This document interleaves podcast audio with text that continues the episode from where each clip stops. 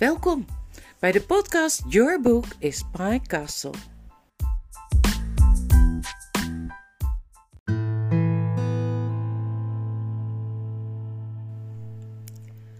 Het ergste van slapen in de open lucht is dat je zo verschrikkelijk vroeg wakker wordt. En als je eenmaal wakker bent, moet je wel opstaan, want de grond is zo hard dat je niet lekker meer ligt. En als je bij het ontbijt niks anders dan appels hebt, wordt het nog minder leuk. Vooral als je de vorige avond ook al niks anders te eten hebt gehad dan appels.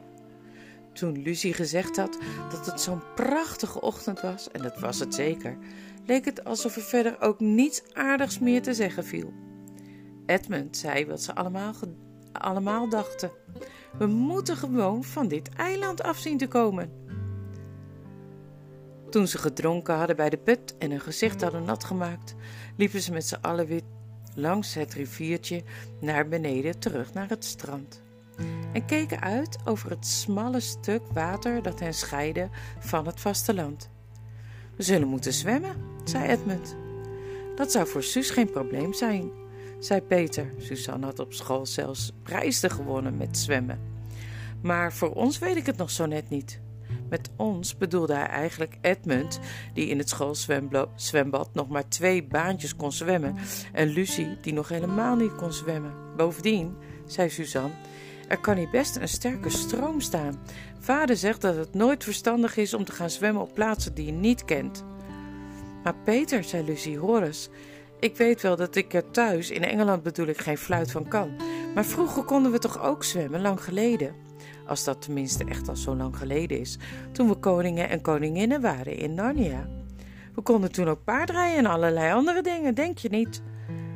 Jawel, maar toen waren we zo'n beetje grote mensen geworden, zei Peter. We hebben hier jaren geregeerd en in die tijd hebben we allerlei dingen geleerd. Maar nu zijn we toch weer gewoon zo oud als we zijn, of niet? Och, zei Edmund. En de toon waarop hij het zei, maakte dat ze allemaal ophielden met praten om naar hem te luisteren. Nu begrijp ik ineens hoe het allemaal zit, zei hij. Hoe wat zit? Nou, die hele geschiedenis, zei Edmund. Weet je wel, waar we gisteravond niet uitkwamen? Dat het nog maar een jaar geleden is dat we uit Narnia weggingen en hoe het dan kan dat het net lijkt alsof er al honderden jaren niemand meer op Kerpervel heeft gewoond. Nou, snappen jullie het dan niet? Hoe lang het ook leek te duren dat we in Narnia woonden, toen we eenmaal weer terug waren, aan de andere kant van de kleerkast, leek het alsof er helemaal geen tijd voorbij was gegaan. Dat weten jullie toch nog wel? Ga door, zei Suzanne. Ik begin het geloof ik te begrijpen. Dat betekent, ging Edmund verder, dat je als je eenmaal in, uit Narnia weg bent, geen idee hebt hoe de tijd hier in Narnia verder loopt. Waarom zouden er in Narnia geen honderden jaren voorbij zijn gegaan in de tijd dat wij in Engeland nog maar één jaar zijn opgeschoten? Alle mensen, Ed, zei Peter. Ik geloof beslist dat het zo is. Als je het zo bekijkt, is het echt al honderden jaren geleden dat we op Kerpervel woonden en nu zijn we weer naar Narnia teruggekomen, alsof we kruisvaarders zijn of uh, Angelen in Saxe of de Noormannen van vroeger of zoiets, die weer terugkomen in het Engeland van nu.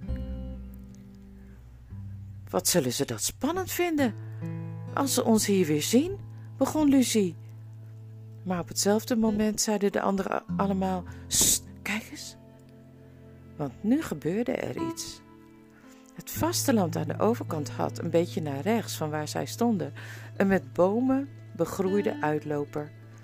Vlak achter die uitstekende landtong moest voor hun idee de monding van de rivier zijn.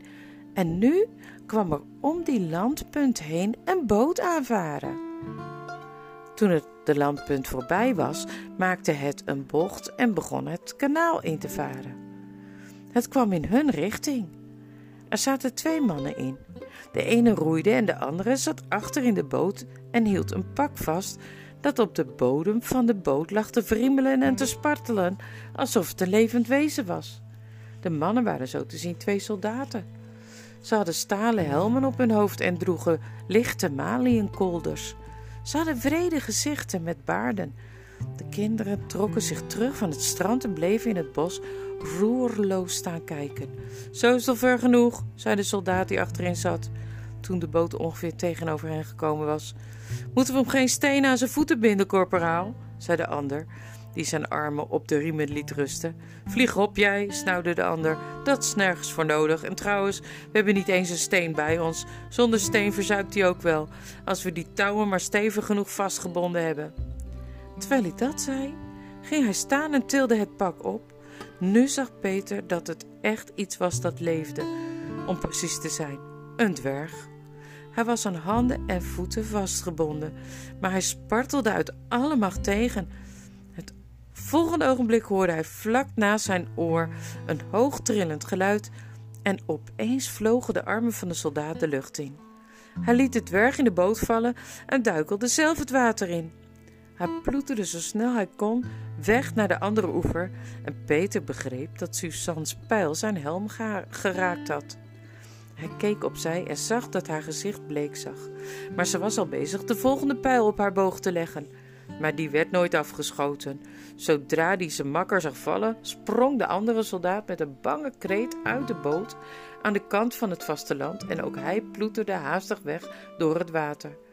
Hij kon er blijkbaar net in staan en verdween aan de overkant het bos in. Vlug, straks drijft hij weg, riep Peter. Suzanne en hij sprongen met kleren nog aan het water in en voordat het water tot aan hun schouders kwam, hadden ze de rand van de boot al te pakken.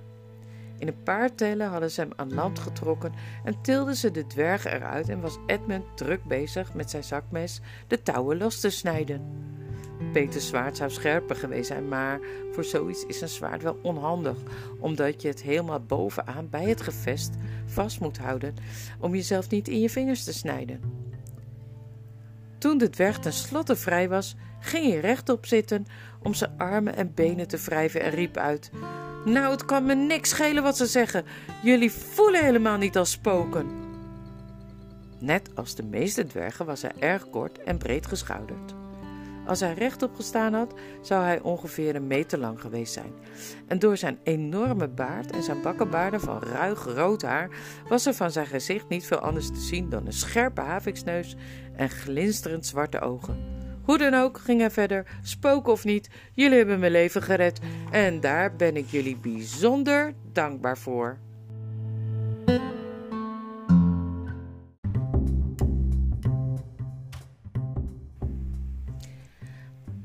Waarom zouden wij spoken zijn? vroeg Lucie. Mijn hele leven lang hebben ze me altijd verteld, zei de dwerg, dat er hier in deze bossen langs de zee net zoveel spoken moeten zitten als er bomen zijn. Volgens de verhalen tenminste. En daarom brengen ze iemand die ze kwijt willen meestal hier naartoe. Net als ze met mij van plan waren. En dan zeggen ze dat ze hem overlaten aan de spoken. Maar ik heb me altijd al afgevraagd of ze ze in werkelijkheid niet verdronken of de keel afsneden. Ik heb eigenlijk nooit zo in die spoken geloofd, maar die twee bangbroeken die je er net neergeschoten hebt, geloofde er wel in. Die waren nog banger om mij ter dood te gaan brengen dan ik zelf was om te gaan. Oh, zei Suzanne, daarom gingen die twee er vandoor. Hè, wat de? zei de dwerg. Ze zijn ontsnapt naar het vasteland, zei Edmund. Ik was niet van plan ze dood te schieten, snap je? zei Suzanne. Ze wilde niet dat iemand soms zou denken dat ze van zo dichtbij nog niet raak kon schieten. Hm, zei de dwerg. Dat ziet er niet best uit. Daar zouden we nog wel een stramme land mee kunnen krijgen. Tenzij ze natuurlijk voor hun eigen best wil hun mond houden. Waarom wilden ze jou verdrinken? vroeg Peter. Oh, ik ben een gevaarlijke misdadiger, begrijp je wel, zei de dwerg vrolijk. Nou, dat is een heel verhaal. Ik vroeg me af of jullie misschien net van plan waren om me intussen voor het ontbijt uit te nodigen. Je hebt er geen idee van wat een honger je van een doodstraf krijgt. Er zijn alleen maar appels, zei Lucie somber. Beter dan niks. Maar niet zo lekker als verse vis, zei de dwerg. Het ziet er naar uit dat ik je, jullie voor het ontbijt zal moeten uitnodigen. Ik heb in de boot een hengel zien liggen. En we moeten die boot trouwens toch naar de andere kant van het eiland brengen. Als er op het vasteland iemand bij het water komt, zouden ze hem zo zien. Dat kunnen we niet gebruiken. Daar had ik zelf aan moeten denken, zei Peter. De vier kinderen en de dwerg liepen naar de waterkant, duwden met wat moeite de boot van de kant af en klauterden aan boord. De dwerg nam dadelijk de leiding. De riemen waren voor hem te groot, dus roeide Peter en de dwerg hield het roer en stuurde hen eerst door het kanaal naar het noorden en toen naar het oosten om de punt van het eiland heen. Van hieraf konden de kinderen helemaal de rivier opkijken en ze konden alle baaien en landtongen zien die verderop lagen. Sommige stukken van de kust kwamen ze bekend voor, maar met al dat bos dat er na hun tijd bijgekomen was, zag alles er wel heel anders uit. Toen ze op de open zee aan de oostkant van het eiland gekomen waren, ging de dwerg zitten vissen. Ze vingen een flinke hoeveelheid pavendos, een prachtige regenboogkleurige soort vis, die ze in de oude tijd op Kerpervel ook wel eens gegeten hadden. Dat herinnerden ze zich allemaal nog wel. Toen ze er genoeg hadden, roeiden ze de boot en inham binnen, een inham binnen en bonden hem aan een boom vast. De dwerg, die bijzonder handig was trouwens, je hebt wel dwergen die slecht zijn, maar van een dwerg die een sufferd was, heb ik nog nooit gehoord, sneed de vissen open, maakte ze schoon en zei: Zo, dan hebben we nu nog brandhout nodig. Dat hebben we daarboven wel liggen in het kasteel, zei Edmund. De dwerg floot zachtjes. Alle baarden en bedsteden, zei hij. Dus het kasteel bestaat echt? Nou ja, het is maar een ruïne, zei Lucie. De dwerg nam de vier kinderen om beurten met heel nieuwsgierige ogen op. En wie ter wereld zijn, begon hij. Maar hij onderbrak zichzelf en zei: Nou ja, het doet er niet toe. Eerst ontbijten. Maar voordat we verder gaan, nog één ding. Kunnen jullie mij met de hand op je hart verzekeren dat ik echt nog leef? Weten jullie zeker dat ze me niet hebben verdronken en dat wij met z'n allen geen geesten zijn? Toen ze hem allemaal gerustgesteld hadden, was het volgende probleem hoe ze de vis mee moesten nemen.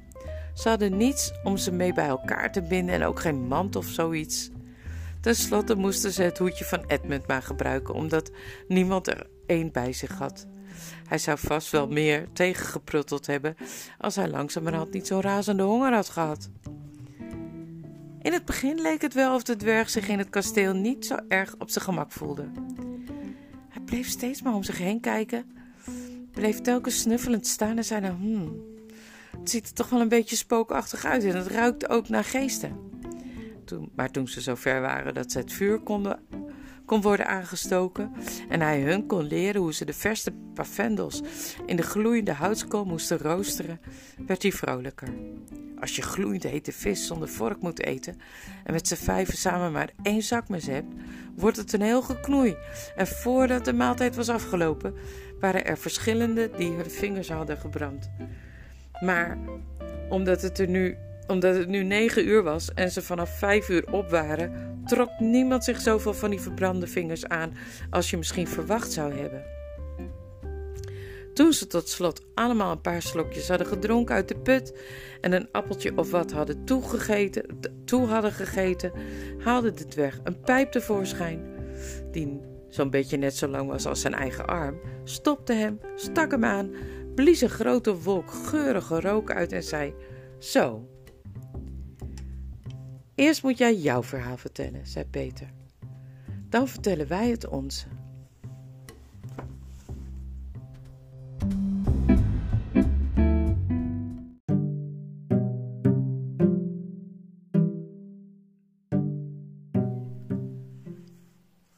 Tja, zei de berg, jullie hebben mij het leven gered.